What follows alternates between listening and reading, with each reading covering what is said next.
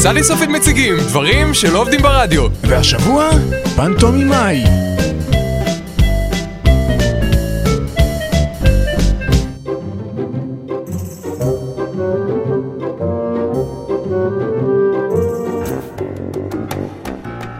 אביתר, מתן, חלאס עם השטויות, בואו לפה גם עכשיו. מה- מה מה קורה טל? ר- ראית את הפנטומימאי שלנו? תראה, הוא עושה כאילו הוא מושך בחבל, איך הוא חושב על הדברים האלה? אני מתאר- הוא עושה כאילו הוא כלוא בכלוב, והכלוב יורד במעלית. אתה רואה? זה מה שאני אומר לך תמיד, מתן, אנחנו צריכים לקחת דברים מחיי היום-יום. אה, ת- זה כלוב ת- יורד טל, במעלית. ראית? ראית את הפנטומימאי? כן, ראית ראיתי, אותו? פנטומימאי. ראיתי, יש כל המאזינים פנטומימאי ראו... כן, תקשיבו, אתם יודעים שירון לא אוהב כשאתם עושים את הפינה הזאת, נכון? הוא לא אוהב? לא, ואתם כל פעם שוכחים מזה. מה- אז מה- מה נעשה עכשיו? אל הוא- הוא תדאג, תכף יגיע. הפעם אני החלטתי לעזור לכם. הנה, מהר, קחו את הכרטיסים האלה, בחוץ מחכה לכם ספינה גדולה, היא תיקח אתכם הרחק מפה למקום מבטחים. ומה יהיה על גיירמו הפנטומימאי? גם לגיירמו יש כרטיס, מהר, קחו אותו, תברחו, תקימו לעצמכם חיים חדשים, מהר, הוא מגיע, מהר!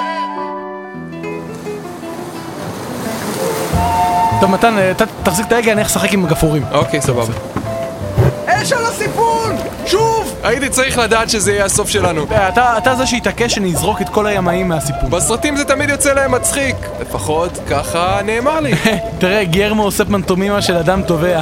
גרמו הזה. אה, כן, אה, ת- אה, תראה, הנה בקבוק עם פתק בתוכו. תן לי, אני אקרא אותו. היי, זה, זה מירון. מה הוא כותב? מתן ואביתר היקרים, סליחה? אח! מעניין איך הוא עשה את זה.